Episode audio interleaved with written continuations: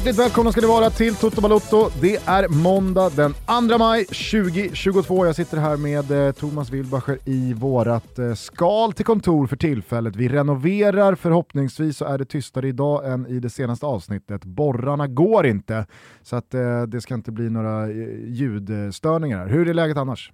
Jo men det är bra, frågan är om det blev ljudstörningar. Det var ingen som hörde av sig, brukar göra det annars. Eh, Det är vårt otroliga ljudisolerade glas här kanske som löser biffen. Kanske. Man får alltid en eh, liten eh, sån här eh, småjobbig känsla i, i, i magen när ingen hör av sig kring saker som antingen då sticker ut åt det positiva eller negativa hållet. Ja. Börjar man undra, eh, är det ingen som tittar? Lyssna längre, sluta. Såg du inledningen igår på Fotbollssöndag Europa?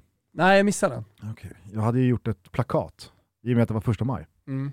Jag stod bara helt tyst med mitt plakat där det stod välkommen till Fotbollssöndag Europa. Så jag, bara, så jag helt tyst i 15 Trams. sekunder. Ingen hörde av sig. Men Ingen skrev vet, någonting. Vet, vet du vad? Det där är trams. Är det trams? Ja det är ruskigt trams. Tyckte det var lite pikt. Nej det tycker jag verkligen inte. Sen kan du hålla på med dina gråsossefasoner så kan liberalen Wilbacher bara ösa på på sitt håll. Va? Du känns liberal på ditt egna lilla sätt. Exakt, jag har min egen liberala tolkning av den liberala politiken. Du har inte mycket till övers för Liberalerna, men liberal är du. Exakt, Ja. exakt. Så, så läser Bara jag jag får vara fri politiskt. i både mind och i allt jag pysslar med. Eh, men du, du får inte vara fri vad gäller eh, koncentratet av det som hänt fotbollsmässigt de Nej. senaste dagarna. För idag så är det jag som har skrivit ett svep. Trevligt. Eh, så du eh, ska bara stå där och hålla käften. Du ska bara stå och hålla din käft. Så kan du väl bara lyssna in eh, på Yes. vad jag har knackat ihop här. Vi är sponsrade av Heineken 00 Alkoholfri. Tillsammans längtar vi till sommaren. Tillsammans känner vi liksom hur fotbollspulsen går upp här nu när vi närmar oss Champions League-semifinaler, både herrar och damer. Fotbollen är ju som bäst nu och dessutom då stundar ju ett mästerskap. EM för damer i sommar sponsras också av Heineken. Tillsammans älskar vi fotboll i världsklass. Det är fotbollstider, det är sommartider, det är härliga tider och det är tider för att knäppa upp en god Heineken 00 alkoholfri. Glöm nu inte bort det. Eh, luta tillbaka lite, lyssna på det här svepet. Eh, kanske knäppa upp en Heineken 00 alkoholfri, njuta lite extra nu när det är så härliga tider. Inte bara fotbolls i världsklass då som Heineken är med och sponsrar utan också härliga tider där ute. Och då passar det ju väldigt bra med en 00 alkoholfri från Heineken. Cheers to all fans! Vissla igång Kippen! Känner du Wilbur? Känner du hur säsongerna runt om på vår kontinent börjar närma sig klimax? Det puttrar och det sjuder och stegras och stönas. Snart ska öden förverkligas, förevigas, beseglas och mytologiseras. Vi är där snart, väldigt snart. Men i Tyskland så har ju bucklan redan delats ut och det är en känsla av likgiltig bakfylla som präglar slutspurten. Stuttgart ser ut att återvända till eh, Schweite eh, tillsammans med Arminia Bielefeld och Greuther Fürth eh, i takt med kuppruscherna i både Europa League och DFB-pokal så ser RB Leipzig ut att slarva bort Champions League-spel nästa säsong och där, redo att norpa den sista platsen och skriva ett vackert kapitel i den tyska fotbollshistorien, står den cyklande antitesen till den moderna bollen, Christian Streich. Tutto hejar på dig.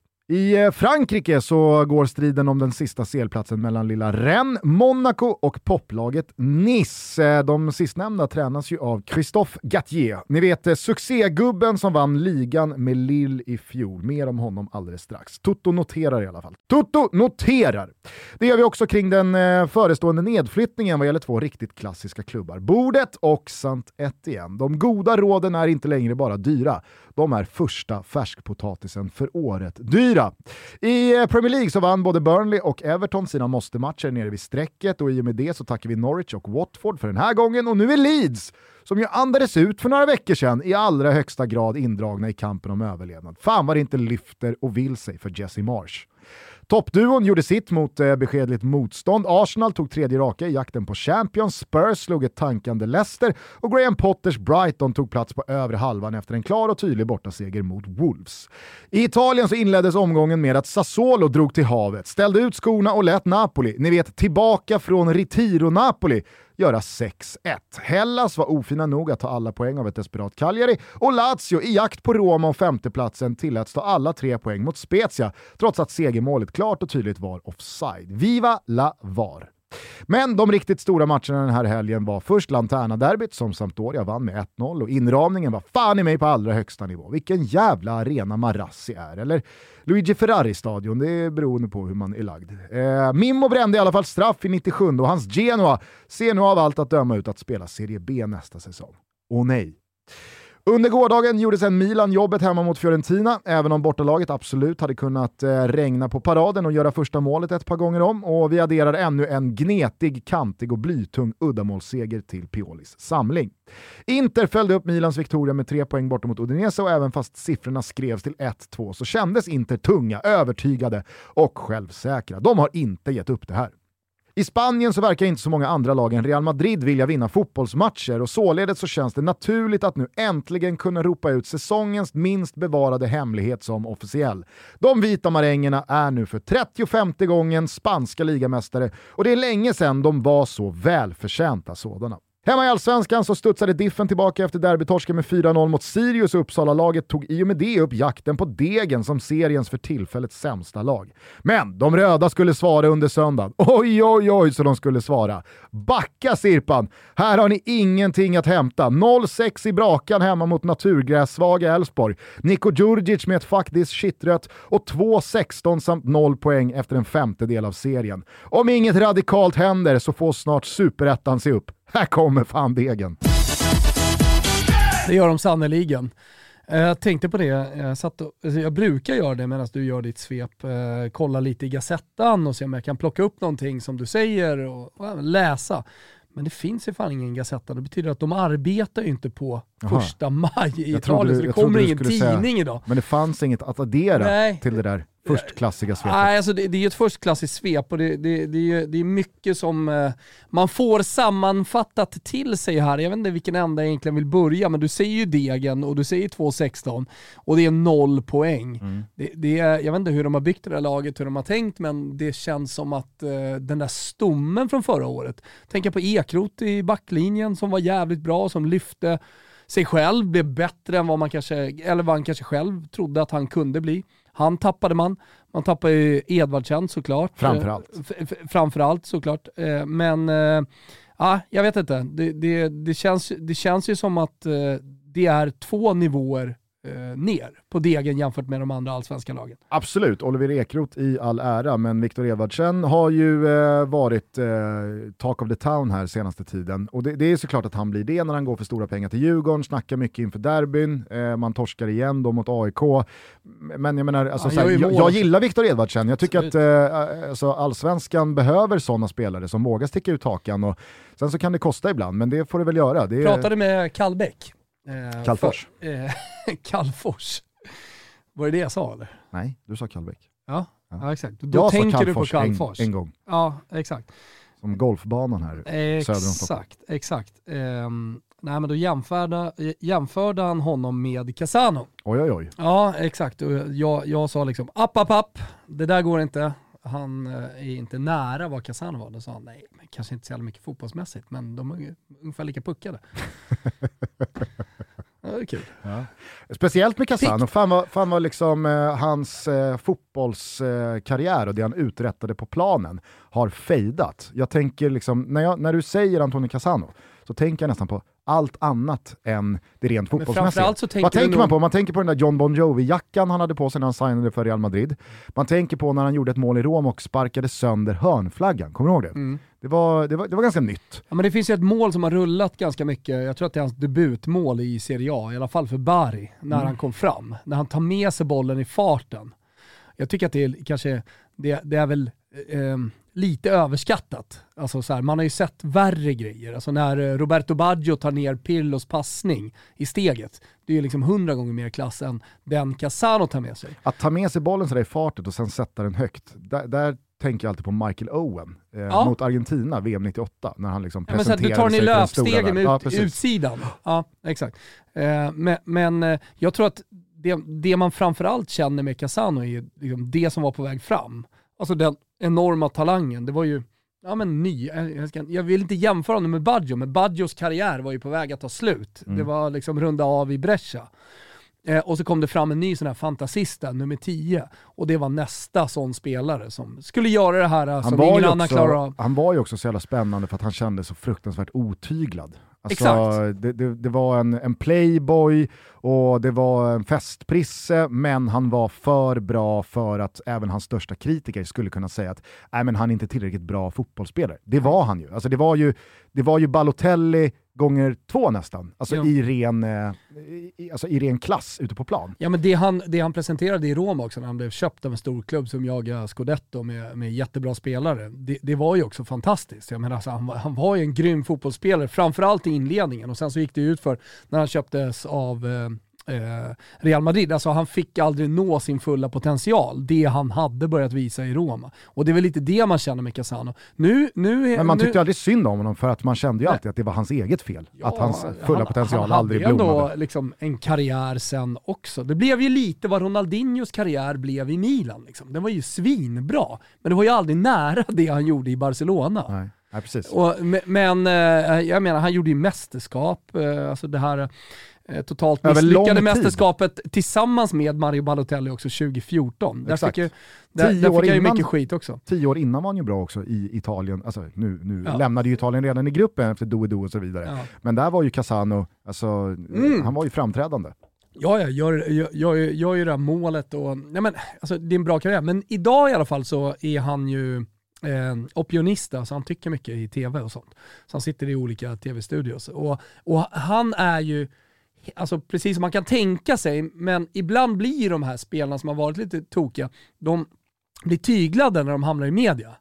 Alltså de blir inte sådär uh, frispråkiga. Nej. Men han är alltså totalt frispråkig. Han, säger, han sågar allt och alla man känner för, sågar italiensk fotboll. Det ena, så varje vecka så är det rubriker med citat från uh, Antonio Casano. Och det var det jag skulle bara landa i, de två sista grejerna man alltid tänker på numera när man tänker på Antonio Casano, så var det ju hans liksom, sista fas av karriären. När han la av, han började igen. Mm. Han la av, och så plockade han Hur upp skorna igen. Ja, han la av och så plockade han upp skorna igen. Och sen så slutade det så här. Ingen riktigt liksom, vet konkret när och var hur, och hur det slutade. slutade han. Nej, sen så minns jag så tydligt också när han fyllde 25 och han på ett väldigt stringent sätt berättade att han hade haft 3000 sexpartners. Ja, men han skrev jävla, i en bok. Det, så jävla, det är liksom han raffinerad siffra. Jag ska fan läsa, jag ska beställa den. 3000 kvinnor har legat med. Ja.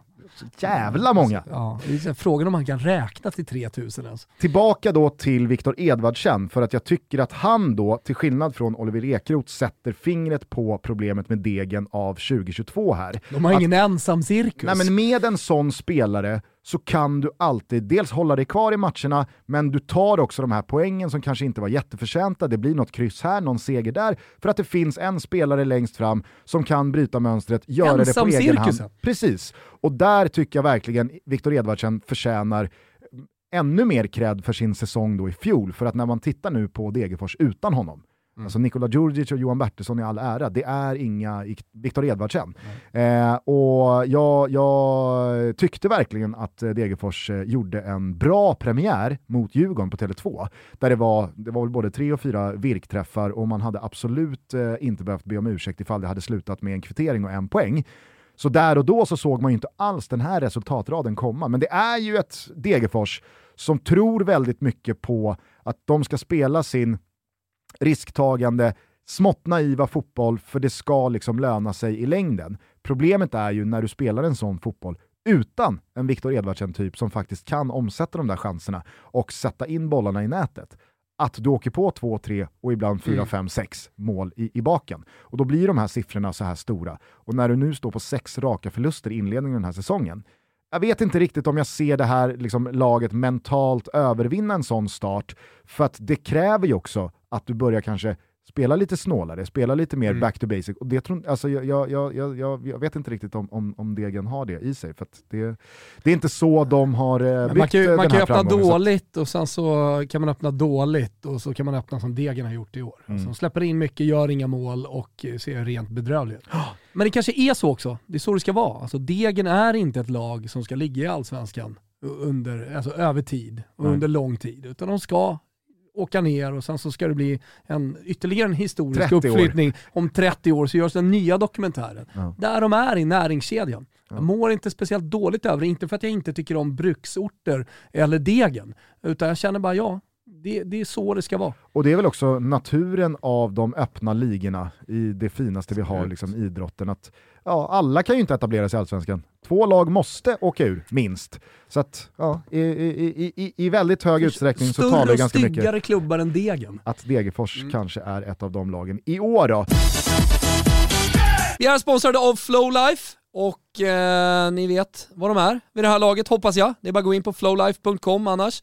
Landets ledande produkter inom kategorierna träning och återhämtning. De har på sin kundlista flera allsvenska klubbar. De har svenska dam och herrlandslaget. De är också internationellt erkända. De har franska fotbollslandslaget, Paris Saint-Germain och så vidare. Detta är ju en garanti. Det är det jag vill komma åt här. Va? Det är en garanti för riktigt, riktigt bra produkter. Men också väldigt enkla produkter att använda hemma för dig och för mig. Och jag vet att det är många som lyssnar på Toto Balotto som eh, har eh, handlat Flowlife-produkter tidigare. Nu när våren kommer så har de fantastiska träningsredskap. Sådana till exempel som man fyller med vatten eh, till valfri vikt och eh, kan ta med sig till landet eller ut i en park till exempel. Och så självklart då recovery-produkterna. Alltså alla borde ju ha en flowgun hemma.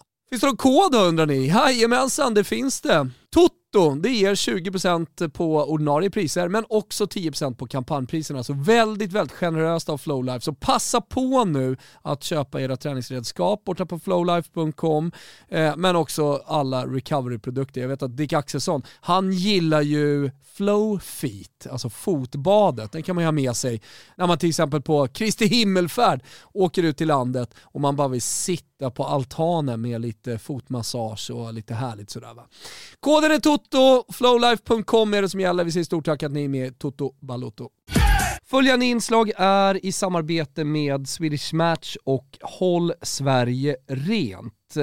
Och vad är nu detta undrar ni? Jo, det kanske är en okunskap eller bara gammal ovana när många snusare kastar ner sina prillor i till exempel toaletten eller bara rätt ut på gatan. Det är en handling som är väldigt enkel att utföra, den sitter i ryggmärgen. Så lyssna nu hörni.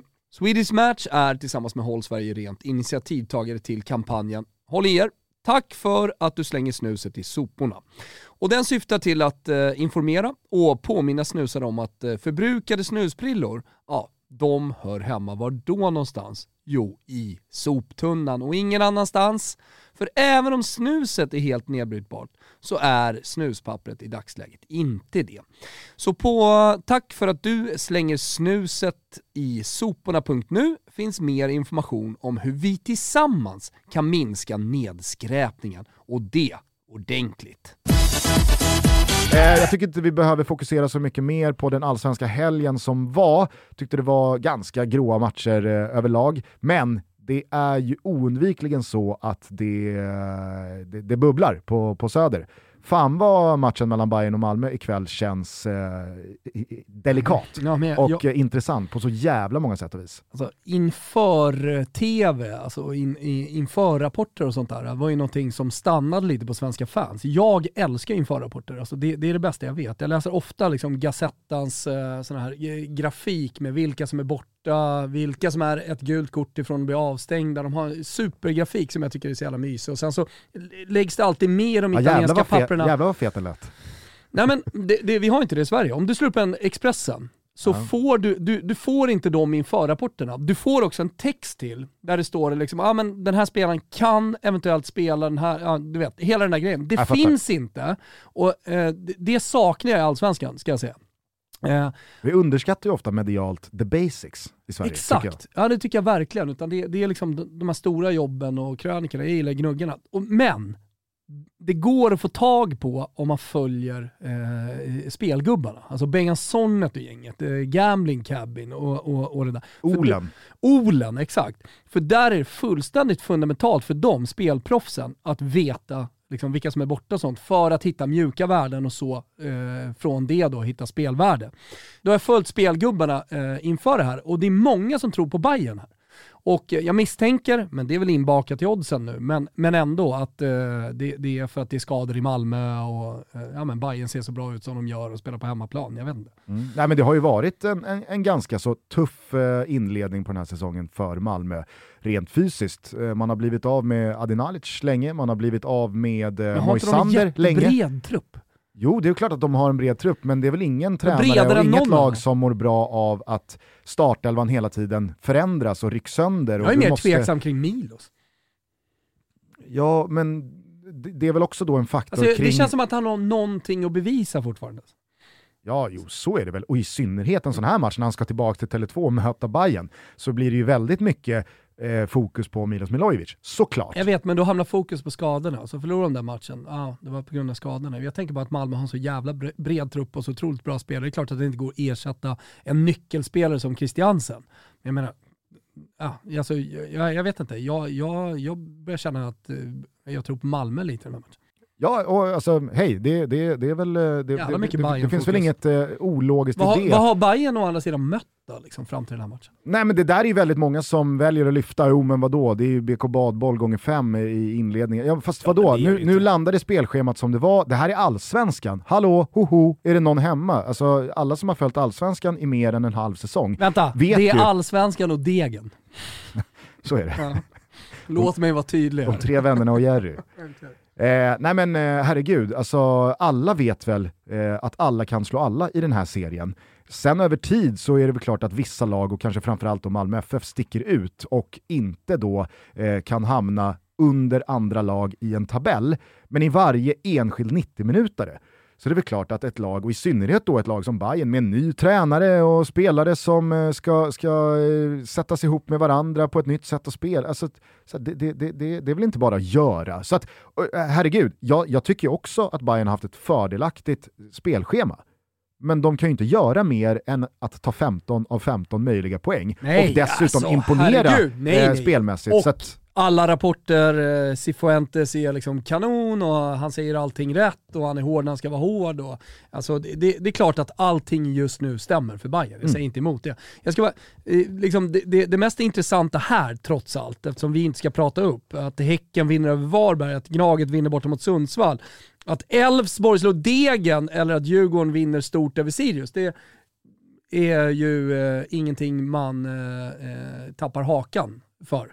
Men däremot, Bernieri alltså. Herregud vad han kör brännan. Och jag såg igår skickade du ut, eh, eh, eller det var inte igår, det var för några dagar sedan, skickade du ut en fråga vilka våra lyssnare vill ha som gäst. Mm. Vi kliver in i en mästerskapsfri sommar och tänker vi att då kan vi bjuda på, på lite gästavsnitt.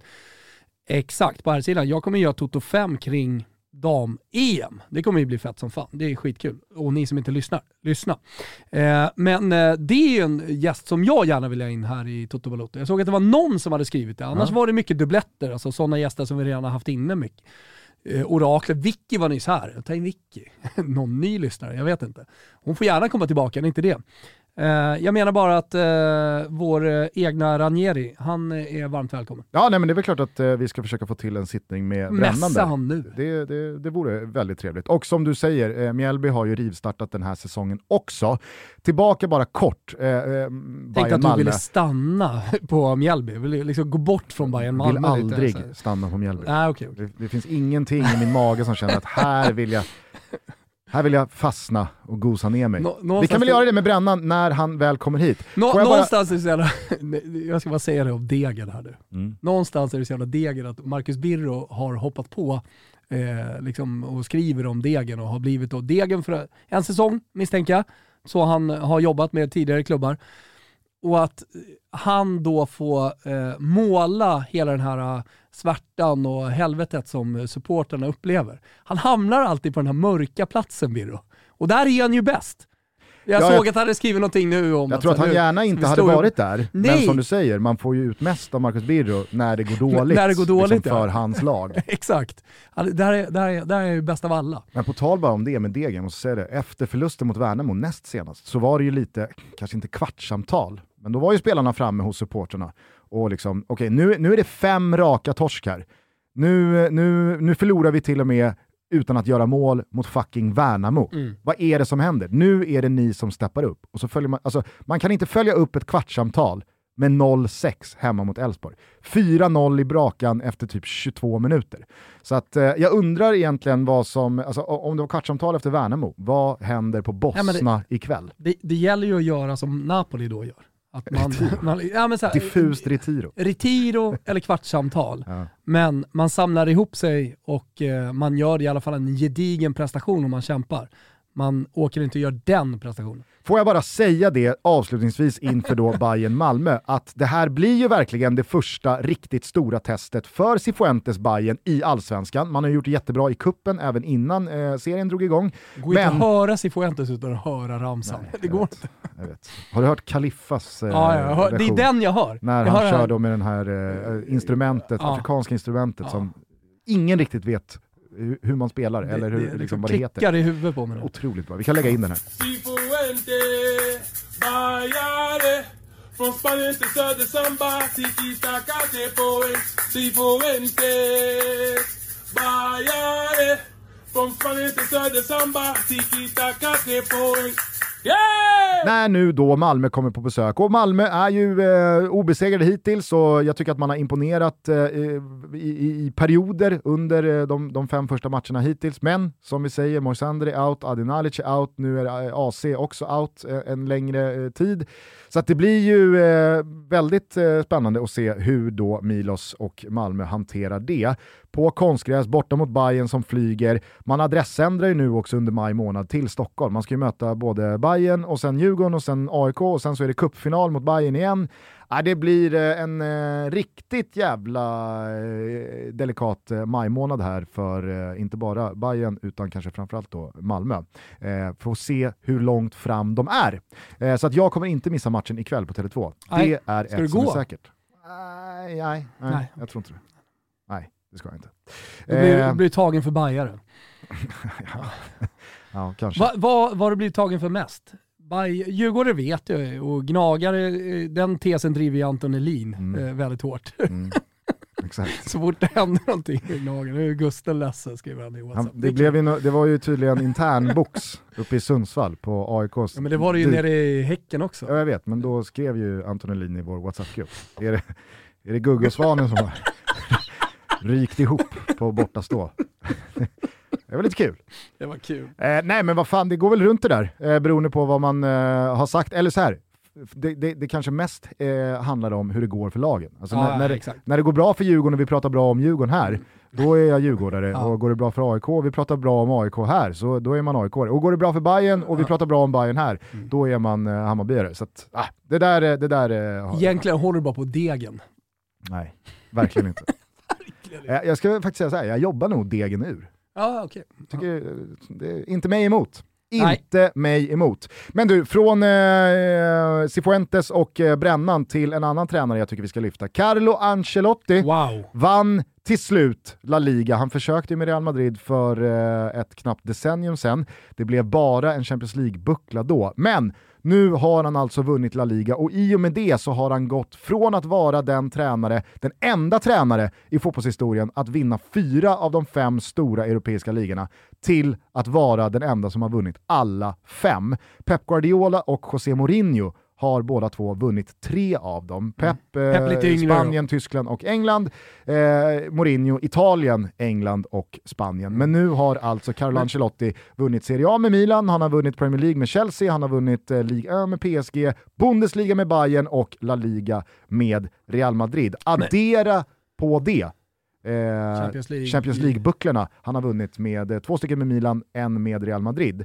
Så tycker jag faktiskt att det är på sin plats att lyfta frågan om Carlo Ancelotti faktiskt inte ska nämnas som en av de tre största tränarna i världshistorien. Mm. Är det fel? är det så fel? Ah, men, det, det, blir återigen det där, hur långt tillbaka ska vi gå? Ska vi gå till 30-talet? Ska vi kolla på Urrus gamla tränare? Ska vi säga den moderna Prata om Grande Toro och så vidare. Men i den moderna fotbollshistorien tycker jag definitivit han ska vara där. Alltså, det, det, det Ancelotti inte har, han har ju skrivit en bok om, om julgranstaktiken, ja. eh, 4-3-2-1 Och, jag menar, han hade ju också revolutionerande tankar när han kom upp som, som ung, men det han inte har det är det här vi pratade om med, med City och Klopp, att du kan sätta på dem vita tröjor och vita hattar så känner du ändå igen dem. Ja. För de spelar så tydligt på sitt sätt. Men innan du fortsätter Mm. eh, det du ska säga här, om, om, jag, om jag bara liksom kontrollfrågar Mm. dig. Eh, om, om, vi, om vi håller oss till eh, 40 år, de senaste 40 åren, så skulle jag säga att eh, Sir Alex Ferguson hålls högre än Carlo Ancelotti, Mm. rent historiskt. Mm. Mourinho, Mm. Pep, Mm. Klopp numera. Mm. Eh, jag skulle kunna säga Saki. Ja, kanske. Jag vet inte. Han hade inte lika lång karriär på liksom toppen. Jag menar Ancelotti Nej, men jag slänger ut det. Varit, ja, du slänger ut det. Ja, jag håller Ancelotti högre. Arsene Men Wenger. också- så- så- Sacchi var ju också en nyskapare lite Ja. grann. så. Ancelotti är ju mer en ledare. Det är det jag tycker är så jävla härligt. Snarare än liksom Ja, ja, en ja, stor jag- vet. taktiker. Jag, jag, en räknar, jag rabblar bara upp lite namn här Vad som vad det sista du sa? Wenger. Det var också en stor filosof som kom och förändrade hela den engelska fotbollen. Eh, Du vet, sluta dricka bärs, börja Ja. äta sallad typ. Det, var väl det. Det, alltså, det är väl det eh, Wenger gjorde. Ja, och, Eller är jag, är, jag, är jag lite ja, men han, han, han, grund i min analys av vad Wenger gjorde med den engelska fotbollen och Arsenal? En aning grund, okej då. kan jag väl ändå tycka. Men Jag tycker ändå liksom det, det stora var ändå liksom, börja äta kyckling, bröstfilé och sluta dricka bärs. Och, ja, precis, drick vatten. Ja. Sen så får man ju ändå säga att han tog Arsenal från en plats till en helt annan. Ja. Han lyckades med någonting som inget annat lag eh, någonsin har gjort, alltså att gå en Premier League-säsong obesegrade. Han tog dem till Champions League-final 2006. Alltså, han höll ju det där Arsenal på... Vann den... ju aldrig dock. Nej, Nej, absolut. exakt. Men eh, Där han, är Ancelotti ju högre än Wenger såklart. Det tycker jag också. Jag, jag, jag, jag, jag gick inte från Nej, min ja, men vi subjektiva bollar upp lista. lite här nu. Jag bollar bara upp Ja, namn nej, som jag liksom från min lilla kammare och mitt håll i världen. Bernieri, 13 Nej. pinnar med, med Mjällby efter fem omgångar. Nej, men finns det, Nej, finns men- det någon annan eh, som också omnämns eh, som eh, liksom en av de riktigt stora, som kanske då snackas om Ja, men du måste ju före börja vinna liksom, eh, Champions. League. Det, Mm. det, det är där du måste hamna någonstans. Zidane! Ja, Herregud, Jo, men han är ändå inte där än, tycker jag. är han inte det? Hur många Champions League har han? Hur många titlar har han? Tre Ja, Champions League-titlar alltså. ja exakt. Och det är jag tycker också så här, helt För sinnessjukt. två år sedan, om vi Mm. backar bandet två år, eller tre år Ja, då, nej, han har varit med för lite. jag, Jag, ja, fast, kan jag, fast jag skulle säga så här, för tre år sedan, då hade ju Ancelotti gjort väldigt mycket av det han har gjort idag. Alltså det är, det är inte de senaste tre åren det har hänt för Carlo Ancelotti. Om Man du fattar vad jag menar. också Jag säger då in... bara att för tre år sedan så pratade ju folk om Zinedine Zidane som, men så här, hej, det, det, det är absolut en av världens bästa tränare. Men där och då var det ingen som pratade om Carlo Ancelotti som en av världens bästa tränare. Nej, men det, Sen dess så har han liksom lämnat Napoli, lämnat Everton och så nu då har han lite mot eh, oddsen eh, inför säsongen eh, joggat hem La Liga och eh, lever så Champions lever League. eh, Champions League Ja. finalen fortfarande i allra högsta grad. Eh, Ja. mot, Även om man åker ut och liksom har gått till, eh, till semifinal så har han gjort det fantastiskt bra. Precis. Eh, Men, men, nej, men jag, jag tänkte på det med Klopp, han har ju tagit ett Liverpool som eh, var lite i spillror och gjort det till världens bästa lag, ett av världens bästa lag. Ja. Pep Guardiola har liksom skapat tiki-takan med Såg du hans Barcelona. förlängningsvideo? Han förlängde såg kontraktet här för några dagar sedan, Jürgen Så Klopp. han har kul. Ja, självklart så eh, berättade han ju att hans fru Ulla, Ja, bara- U- så det, det är klart att Jürgen Klopp har en fru som och heter vad Ulla. tänker du på då? Ja, vad tänker jag på? Knulla. Det var precis det jag tänkte på.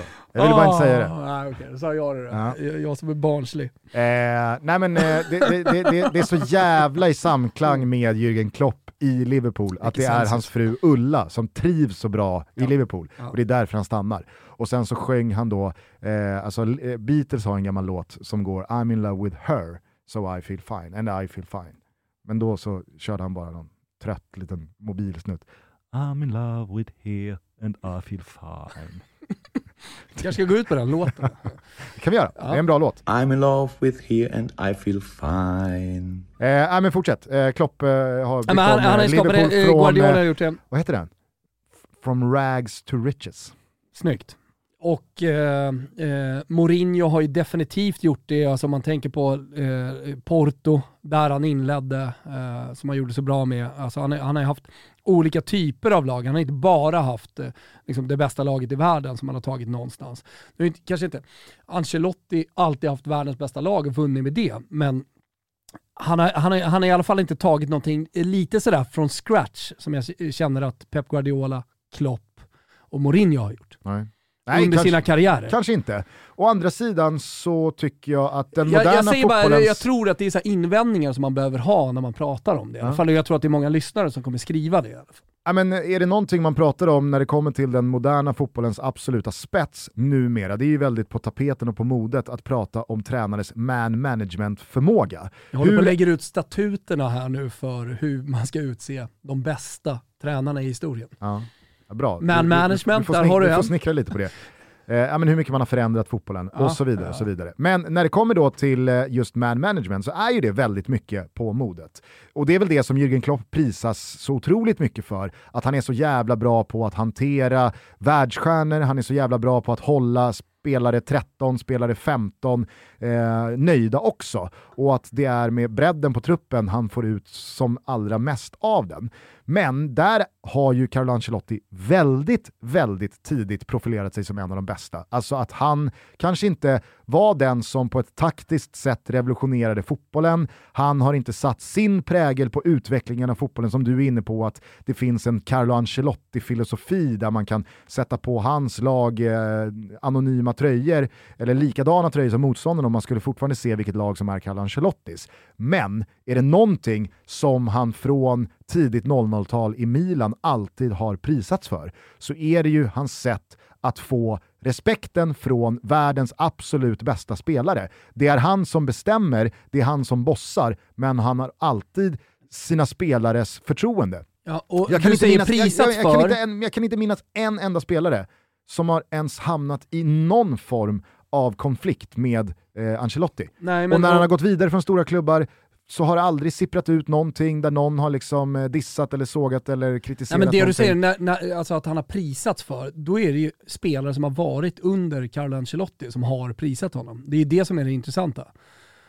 Alltså det är inte intressant om eh, en tidning prisar Carlo Ancelotti till en av de bästa, eller att vi gör det. nej, men det, är heller det aldrig någon efter, alltid... någon spelare som du upplevde nej, att jag fick inte chansen, nej, eller nej, han spelade nej, inte Det hade ju varit en sak om eh, det hade funnits lite såhär både och, men det alla spelare säger, som har varit under honom, det är att han ja, men mer eller mindre har varit den bästa tränaren de har haft väl. Det är väl det, är väl det de säger hela tiden.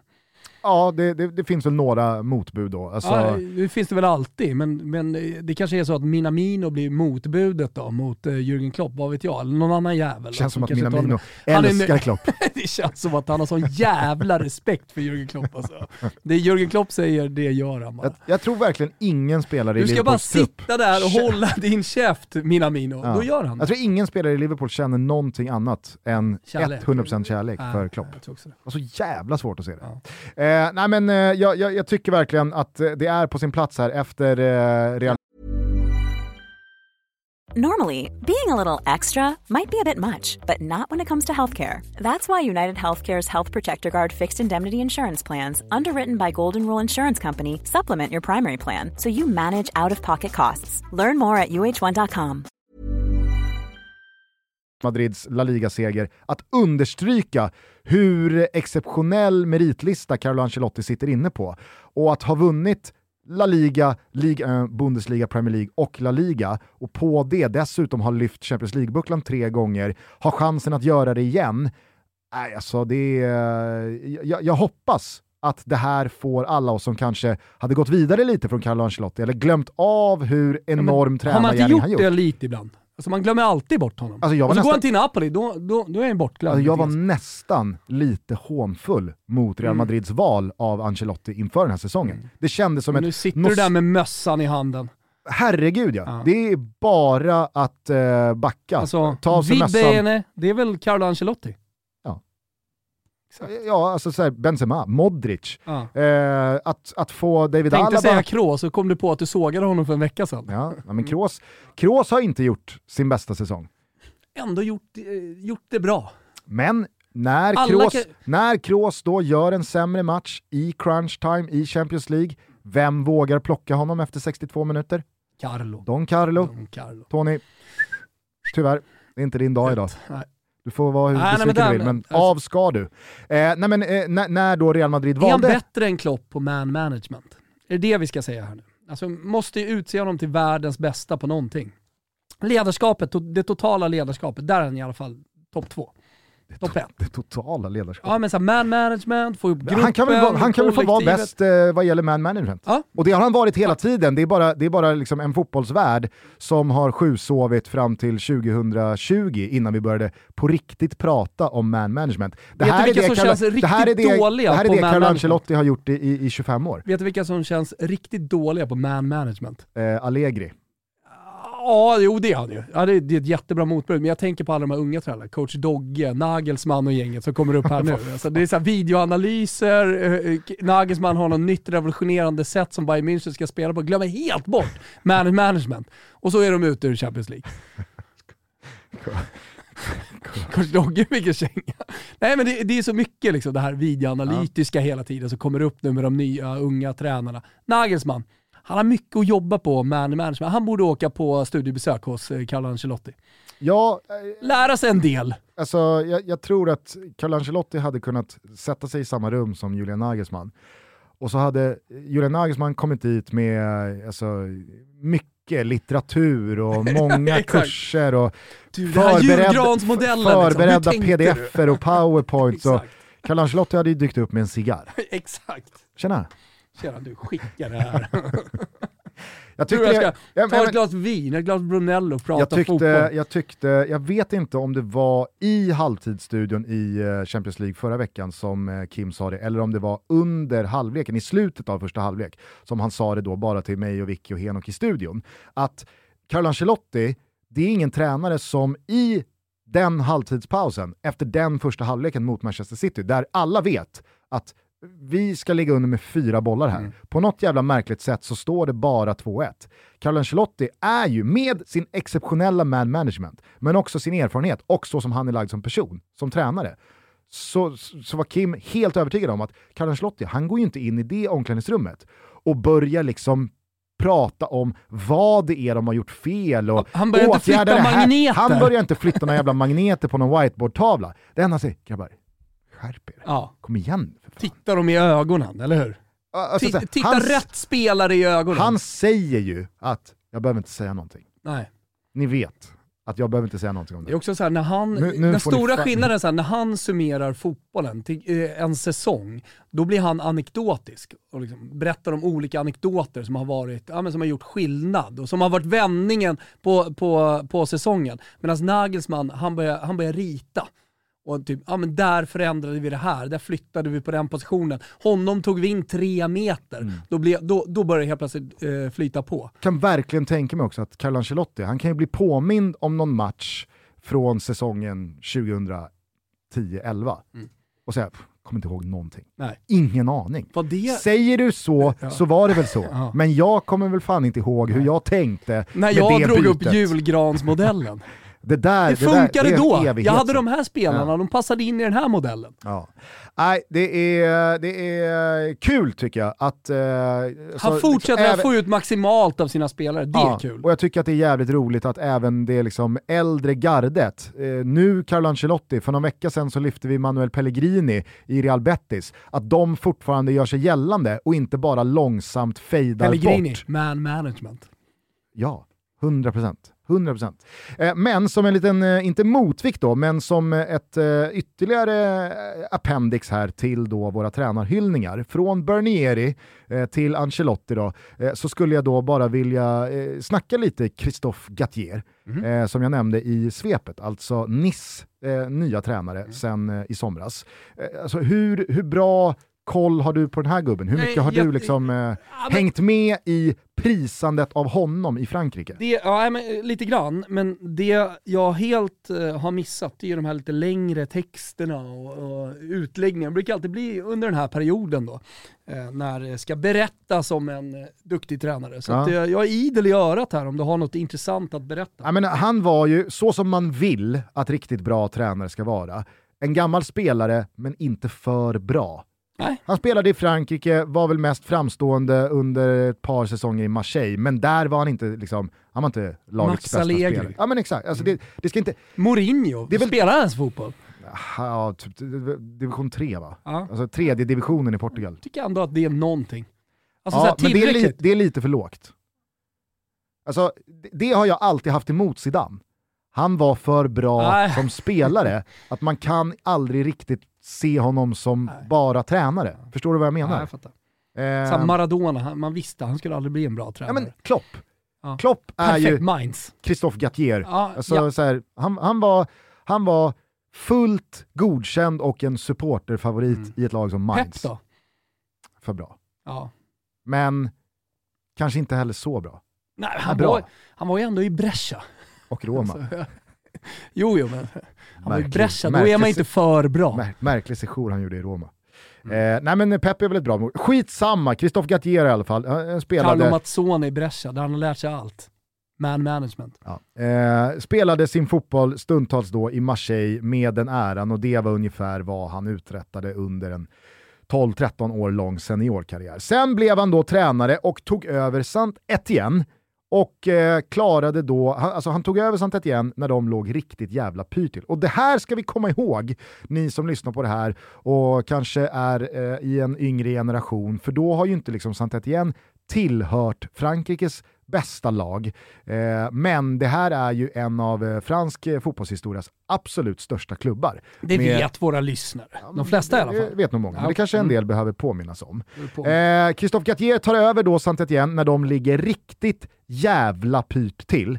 Håller de kvar, lyfter dem från bottenstrid till toppen av tabellen, tar ut dem i Europa ett par gånger om, där de inte hade varit på en jävla lång tid, och lämnar då Saint Etienne efter eh, åtta år på jobbet som liksom ett helgon.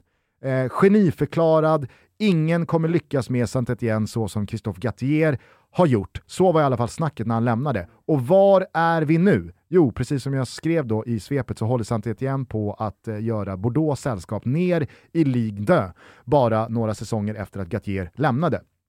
Vart tog Christophe Gattier vägen? Lill. Han gick till Lille, ett Lille som där och då kämpade för sitt liv i botten av tabellen. Han löser nytt kontrakt i Ligue 1. Vad gör han säsongen efter? Jo, han kommer tvåa med Lille.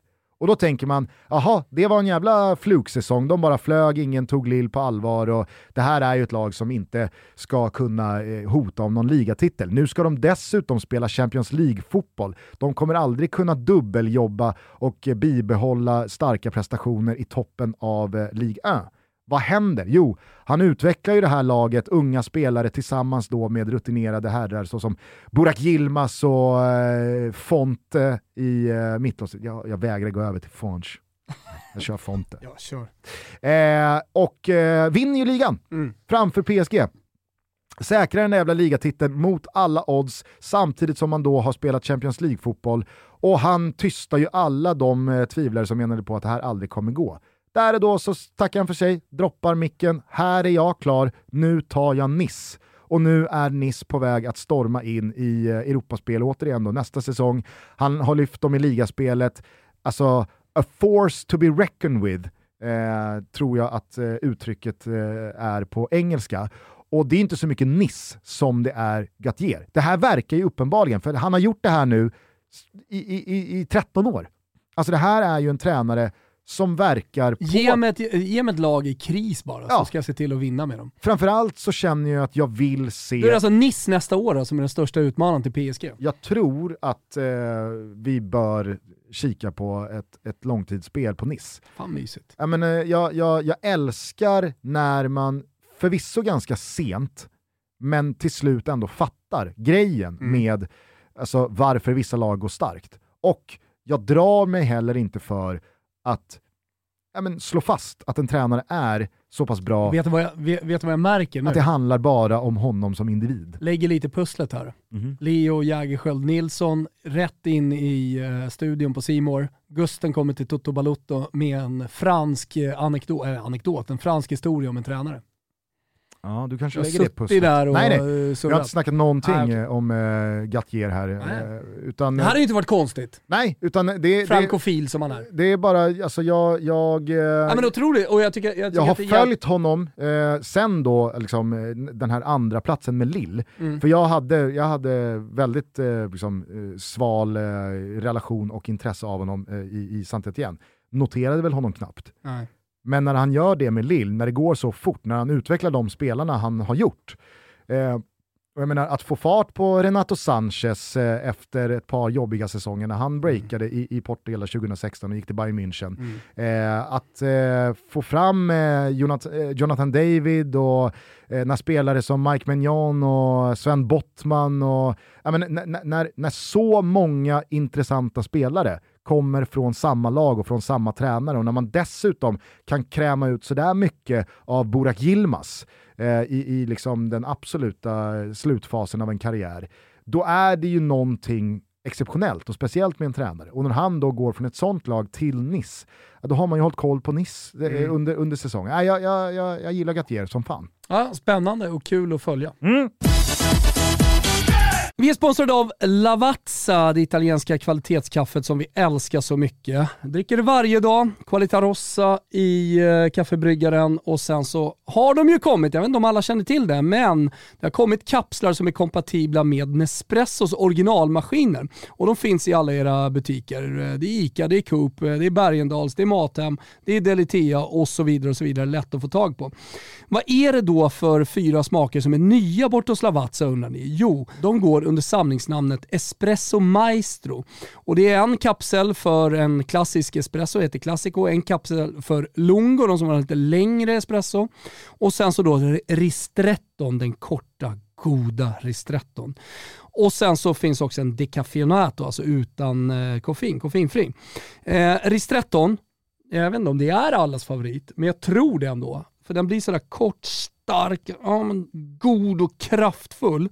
Jag har testat massa olika varianter på eh, kapselkaffe och aldrig nått hela vägen till barnivå. Tills då den här Ristretto-kapseln kom. Den är perfekt att eh, servera gäster till exempel eh, efter en middag. Eller om du bara kommer hem och så ja, men vill dricka en, en riktigt god stark kort eh, espresso. Så den måste finnas hemma hos alla. Och sen decaffeinato, man kanske alltid får hem en gäst även om inte du dricker koffeinfritt. Eh, så det bra att ha en, en eh, liten box hemma. Eh, och ja, men som jag sa, klassikon finns, lungon finns, espresso maestro. Nu alltså med kapslar kompatibla med Nespressos originalmaskiner. Och nej, Lavazza är inte anslutet, stött eller sponsrat av Nespresso, men de funkar liksom tillsammans ändå. Så ni är med på det. Just nu finns också ett erbjudande, så passa på. Gå in på mathem.se. Denna vecka är det fyra kapslar för 100 kronor. Så gå in på mathem.se nu och skaffa er de här fantastiska Lavazza-kapslarna. Testa det hörni! Vi säger stort tack till Lavazza för att ni är med och möjliggör Toto Balutto. Vi är sponsrade av Boka Direkt. Appen där du kan boka precis alla typer av behandlingar inom skönhet och hälsa. Om bara ett par veckor, söndag den 29 maj, då är det dags för, har ni koll eller? Mimosa, mors dag. Jag kör ju liljekonvaljer då som jag plockar i Rönningeskogarna. Jag vet inte vad ni gör, men man vill ha en present också till sin mamma. Eller om ni hjälper till med era barns mamma. Det är ju dagen då vi verkligen ska hylla alla älskade mammor. Och vad är inte då bättre än att skämma bort dem med lite lyxig egen tid. Och därför vill jag tipsa om att Boka Direkt, de har ett presentkort som gäller hos över 9500 salonger och mottagningar över hela landet. Den som får ett presentkort från Boka Direkt kan alltså välja och vraka bland alla de tusentals olika behandlingar helt själv. Massage, ansiktsbehandlingar, manikyr, klippning, fransbehandlingar och mycket, mycket mer. Här finns det något för alla. Nu vet jag att Helena inte lyssnar på eh, Toto Balotto så jag kan ju säga det att jag har redan bokat in en helkroppsmassage och manikyr till henne. Och det kanske någon vill ta lite rygg på. Där kommer Helena då få mjuka upp sina muskler inför den här härliga sommaren som stundar. Men också göra sig lite fin sådär efter vintern. Man kanske är lite skit om naglarna nu. Manikyr passar perfekt.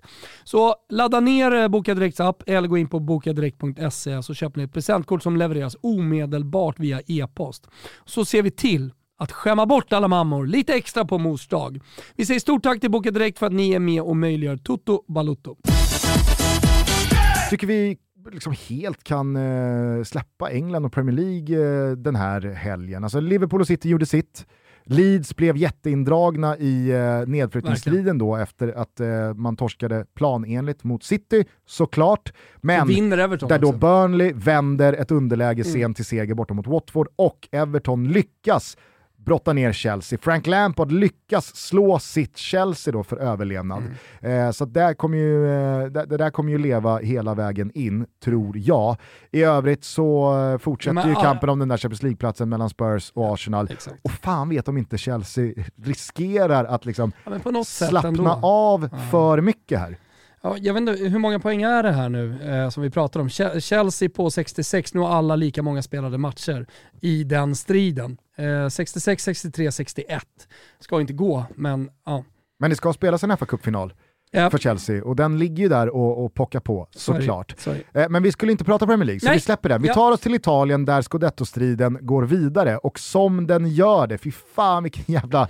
Alltså, jag tycker verkligen eh, Svanen och Vicky sa det bra under eh, sändningen igår, Milan-Fiorentina. Mm. Det var för första gången så att man kände av en, här finns det någonting att förlora, ja. ångest från både läktarna och på planen igår när Milan då spelade mot Fiorentina och ja, till slut segrade. Och eh, Fiorentina, om det är någonting som har kännetecknat dem under det här året så är det ju att när de har gjort en dålig prestation så har de studsat tillbaka ganska fort. De har sett ut som ett annat lag. Mm. Eh, och nu förlorar man ju den här hängmatchen mot Udinese och man kraftsamlade, staden slöt upp, man peppade inför den här eh, stora bortamatchen mot Milan. Och Fiorentina själva har ju allt att spela om i och med att de är med i Europaracet och det vore en dröm och wow, man är tillbaka och slåss om de här eh, åtråvärda Europaplatserna. Samtidigt då som, ja men, jag vet inte var Milan befinner sig, man vet aldrig var de befinner sig. Det är 1-0 och 2-0 och, och de gör inte speciellt många mål. Eh, så det var en svår match för Milan ändå att spela. Det var många som tog lite lätt på den efter att Fiorentina har, hade torskat där mot eh, men, men eh, de är ju också för uddlösa de, de gör en bra match, alltså de skapar ju chanser ändå. Ja, herregud. Eh, och uh, skjuter för dåligt. Sen är det otroligt att Josef Mahler är kvar på plan i första halvlek. Ja, han, han, ska ju ut efter ja. den där armbågen på Tonali. Eh, men eh, nej, som du säger, Fiorentina saknar inte lägen att ta ledningen i den här matchen. Det gör ju inte Milan heller. Men det är ju någonting så jävla speciellt med det här laget. Vi pratade om det senast, vi har egentligen pratat om det i två år känns det som nu. Att summan av alla elva individer på det här rödsvarta laget blir ju större än eh, sig själva och lyckas på något jävla sätt få med sig marginalerna. Och de i väldigt många eh, matcher så har de ju också gjort sig förtjänta av det för att de håller sig kvar i matcherna med grinta, med karaktär, med en eh, vi mot dem-känsla. Eh, så det, det, det, det, är ju symptomatiskt för det lag som Pioli och Zlatan har format här karaktärsmässigt. Ja, men, jag, jag men, det är otroligt också... att det kan ske varje jävla vecka. Jag vet, men, men, det är så lätt också att la, eh, landa i det, att det är otroligt hur det är kollektivt. Vi får heller inte glömma bort att eh, Leao har ju gått ifrån att vara en spännande ung spelare som ändå inte har känts som att han kan bli världsklass. Men i år har han ju tagit det klivet tycker jag. är en av Serie A's absolut bästa spelare. Det var väl lite bubblarsnack eh, på Totoballon januari kring Leao va? Ja, det var januari, det. Bara februari. för att jag tycker att han är en unik spelare. Alltså, han, han, eh, han, han, han gör ju någonting i stort sett ingen annan gör. Och ibland, vissa ytterbackar han möter har ju ingenting på honom. Så kände jag med Venuti här i Fiorentina. Det här blir tufft alltså mm. för, för Venuti-gubben att springa mot honom. Men det, det, är en urkraft. Jag ska absolut inte jämföra honom med Mbappé och sådär, men, men det är ju den typen av spelare som är en urkraft. När han bara har bestämt sig och han har sin match så är han mer eller mindre ostoppbar. Och det, där har ju skett en utveckling. Alltså Tonali har ju också växt ut till en av ligans absolut bästa mittfältare. En total mittfältare som kan ändra, dels styra en match men också ändra en match med, med fina fötter. Så det har ju hänt saker i det här Milan. Det finns ju individuella prestationer som är enorma under, eh, under hela den här säsongen. Mm. Som man heller inte får glömma bort när man pratar om kollektivet. Leao har aldrig gjort en, en sån här bra säsong i Milan. Tonali gör sin absolut bästa säsong i livet. Han är född 2000. Så det är mm. fortfarande liksom en, en ung spelare, så, eller ung för att ta ett så stort lag eh, under sina vingar lite grann som han har gjort. Och eh, efter då Inters förlust mot Bologna i onsdag så behövde ju Milan alltså 10 poäng av de kvarvarande 12 för att eh, vinna Lo Scudetto. Nu behövs det bara 7, de kvarvarande 3 Inter jagar ju på där bakom, de slår Udinese. Jag tyckte att det var tryggt och säkert eh, trots att eh, Udinese fick in en reducering med eh, 20 minuter kvar. Men Inter ska ju spela en eh, cupfinal här mot eh, Juventus eh, innan den näst sista omgången och det, det är väl klart att alltså, den betyder ju såklart saker och ting. En titel är en eh, titel, men är det på bekostnad av en ligatitel så är det väl klart att eh, de- den, eh, den kommer inte smaka lika sött att fira. Man får ju se också, eh, Sassuolo känns ju som en tuff bortamatch. Vi har pratat om att Milan har haft Ja tuffa jävlar matcher mot vad dem. så starka de såg ut mot Ja, nej, men det är det som är grejen här. Alltså Verona, de firade ju eh, sin seger i helgen.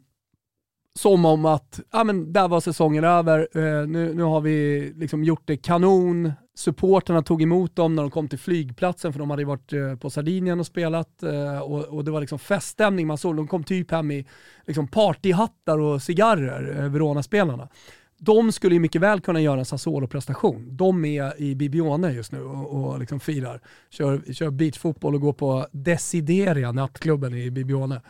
Eh, eh, och sen så har man då, alltså, det, jag tror att eh, sista bossen på något sätt för att vinna den här ligatiteln, det är Atalanta. Och där behövs bara kryss. För Verona Sassarna tar man.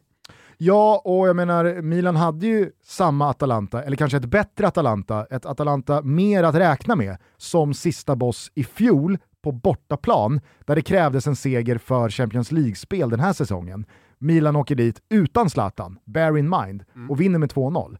Så att Milan har ju kraftsamlat och gjort jobbet mot just Atalanta i crunch time tidigare. Eh, men jag håller med dig, sen är ju Atalanta omöjliga att räkna på nästan alltid, men Ja. den senaste tiden mer än någonsin. De kan förlora mot vilket lag som helst och sen så är det som att de trycker på en knapp, likt Real Madrid, Mm. och då kan de slå vilket lag som helst med, med två, tre bollar. Eh, Men de är inte lika bra den här säsongen som man har varit. Nej. Alltså det, det, det är inte samma knapp man trycker på. Och när nu Eller det Champions händer League, inte samma, liksom, det, det blir inte samma magi när man trycker på knappen som det har blivit tidigare år. och när Champions League-dörren nu definitivt är stängd, eh, nu var det väl ingen som trodde att Atalanta skulle kunna nå Champions Oh, League nej. ändå senaste tiden. Jag, jag menar bara att när den är definitivt stängd, ja, då, då, då tror jag också att liksom så här, ännu mindre talar för att Atalanta ska snäppa upp sig och stå för eh, fyra superstabila avslutande segrar här i Serie A-spelet. Salernitana kommer på besök ikväll till Bergamo. Det blir ju en jävla intressant match i, i deras jakt på fortsatt Serie A-kontrakt. Men också en fingervisare än en gång på var Atalanta står här nu inför slutspurten. Ja, och Sa- Salerno har vi pratat om och, och deras great escape som man har på gång. Den, den ska man nog se upp väldigt mycket med. De kommer ju offra sina liv för att vinna den här matchen. Det var ju dock så att eh, när Milan-spelarna firade länge och väl med hemmasupportrarna efter slutsignal på San Siro igår så klev Zlatan Ibrahimovic av plan ganska omgående med ett eh, sammanbitet eh, ansikte.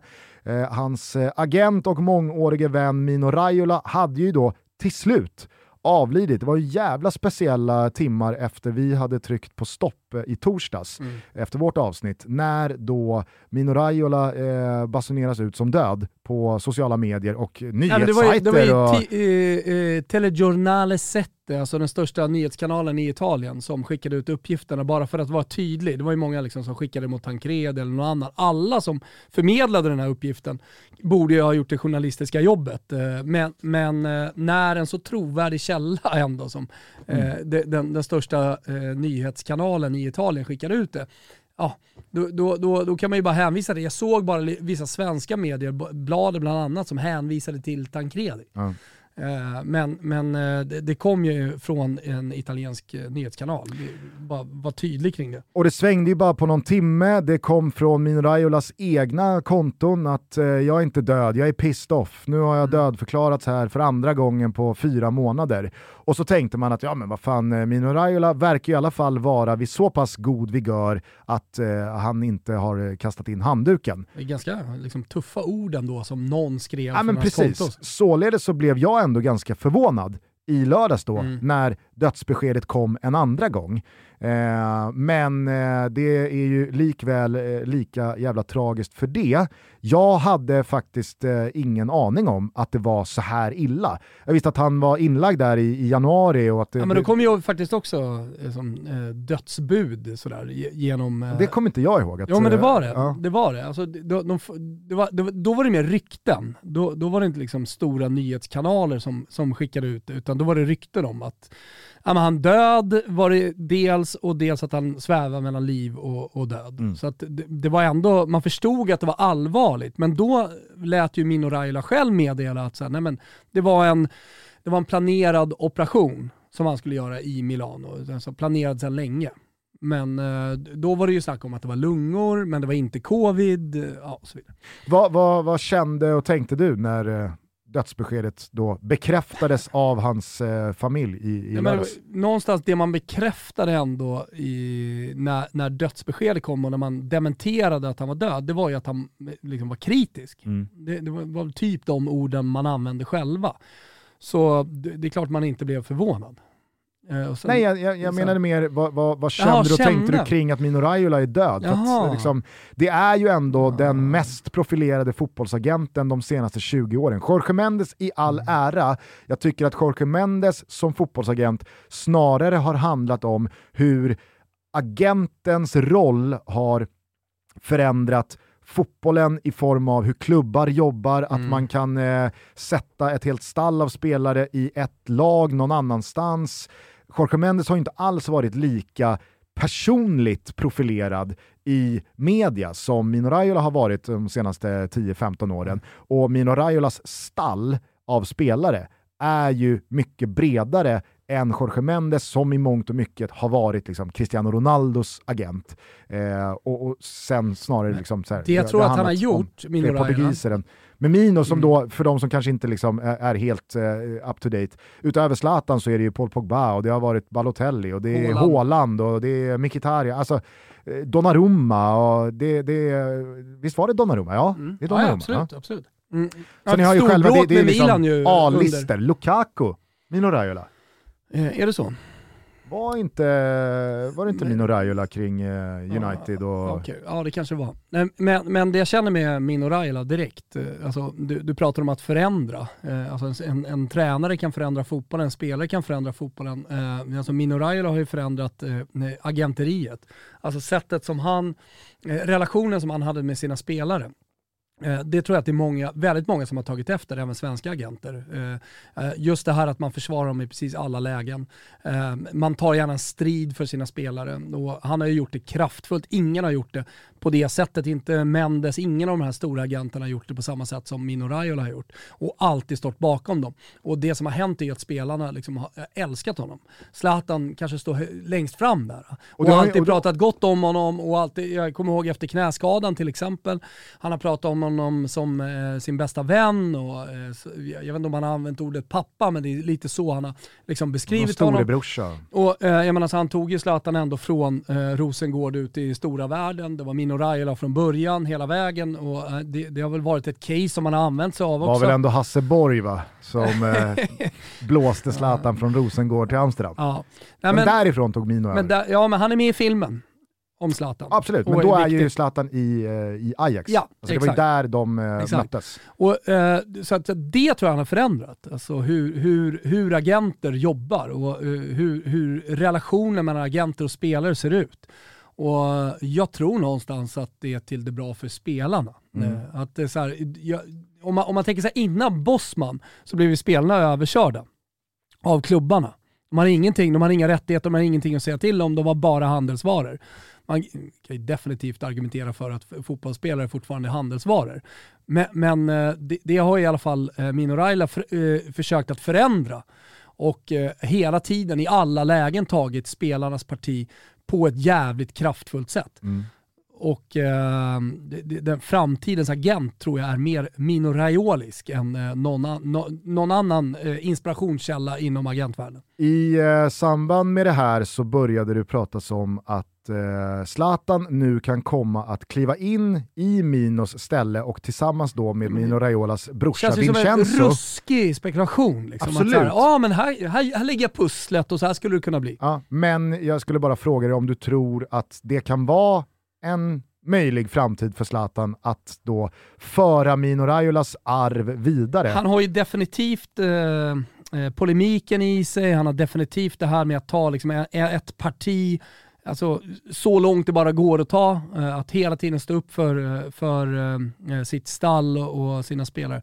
Det, det, det, det, tror jag att han har i sig, men sen så tror jag inte Zlatan har liksom arbetet i sig. Alltså hur mycket arbete som Mino Raiola har lagt ner. Nu är det visserligen uppbyggt och det, det, det, finns en jävla bas att stå på. När Mino Raiola började hade han väl ingenting. Nej. Utan han tog det från grunden och liksom pastarestaurangen i, i Amsterdam och allt det där. Men, du vet men, vad pizzerian Det handlar väl om att eh, förvalta och bygga vidare och jag menar, det, det skulle Zlatan kunna göra men jag tror inte han har arbetet ändå i sig. Du vet vad pizzerian i Harlem tror jag är staden eh, Stadsdelen. i, i, i eh, Holland som han kommer ifrån. Stadsdelen. Okej, stadsdelen då. Eh, varit i Amsterdam? Eh, jo, men inte i Lite Harlem. Harlem då. man åker, tycker jag i alla fall om man är där och vill gå på coffeeshops. Det, det, det är den absolut bästa stadsdelen. Okej, okay, du vet väl i alla fall vad pizzerian hette?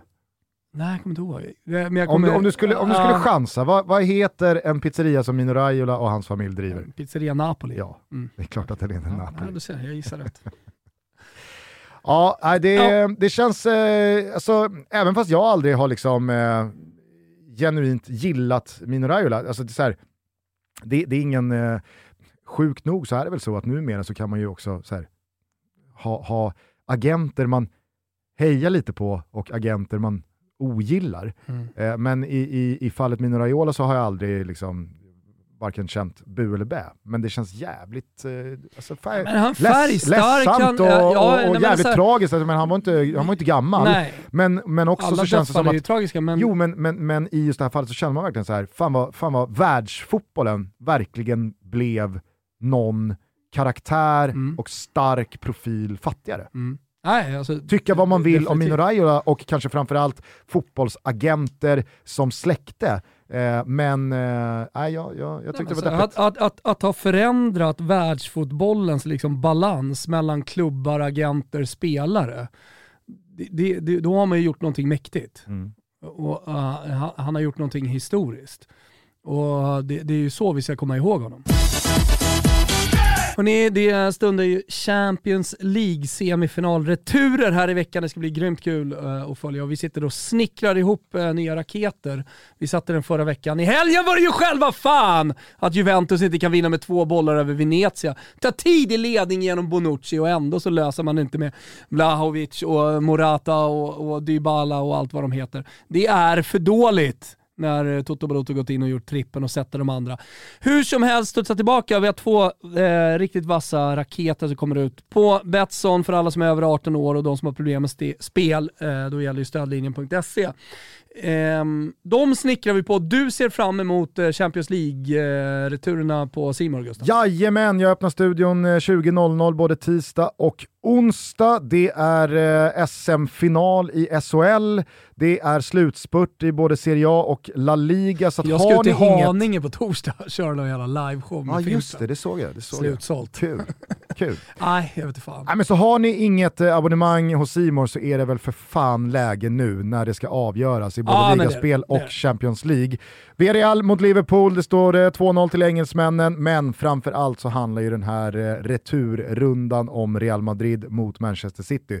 Det står 3-4 och jag känner bara att med det här Real Madrid, Man management, känner med Carlo Ancelottis liksom solbriller och cigarr på efter La Liga-titelfirandet i helgen, så känner jag bara att så här, det enda jag förväntar mig av onsdagskvällen är att bli blåst av stolen igen. Ja, men, alltså, jag förväntar mig att de går ut med leenden på läpparna och spelar drömfotboll. Det är vad jag förväntar mig. Stundtals ja. Mm. Sen så kommer ju såklart Pep City slakta dem över 90 minuter och vara det bättre laget. Men med, i Real Madrids värld så räcker det ju med att de är det bästa laget på plan i 17 av ja, 90 minuter. För att det ska räcka. Han, han har liksom gjort om hammarens, så här, man ska avsluta. Det, det, det viktiga är hur du avslutar laget. För Real Madrid, då är det så, det viktiga är att vara bra i 17 minuter. Exakt, sprid ut de här bra 17 minuterna. Få ut så mycket som möjligt av de 17 minuterna. Så är det bara att hålla nere siffrorna. Ja, men de det kommer ju övriga risk 73. minimeras och sen så förlitas det. Vibben är på topp, det ska bli jävligt kul att se den matchen. Tänk nu på när det är sol och så ute, att det är jävligt gott att dricka en Blood Orange från Celsius. Det är min favoritsmak. Det är att satsa på sig själv. Nu har jag klivit in i träning här nu och då satsar jag på mig själv. Då börjar jag dagen med en Blood Orange och jag för tankarna till Sardinien dit jag ska i sommar och känner den här blodapelsinsmaken och bara mår. Det är där du ska visa upp kroppen. Det är där jag ska visa upp. Som huggen ur marmor, även i år. Wilbur José. Ja, vi får se. Hörni, vi hörs igen om några dagar. Ta hand om varandra. Till dess nu så går vi hem och börjar ladda inför först då Bayern Malmö följt av Atalanta mot Salernitana. Mysigt. Ha en jävla trevlig måndagskväll så hörs vi snart igen. Ciao tutti! Ciao Tutti. Good to me, you know she's happy as can be, you know she said so.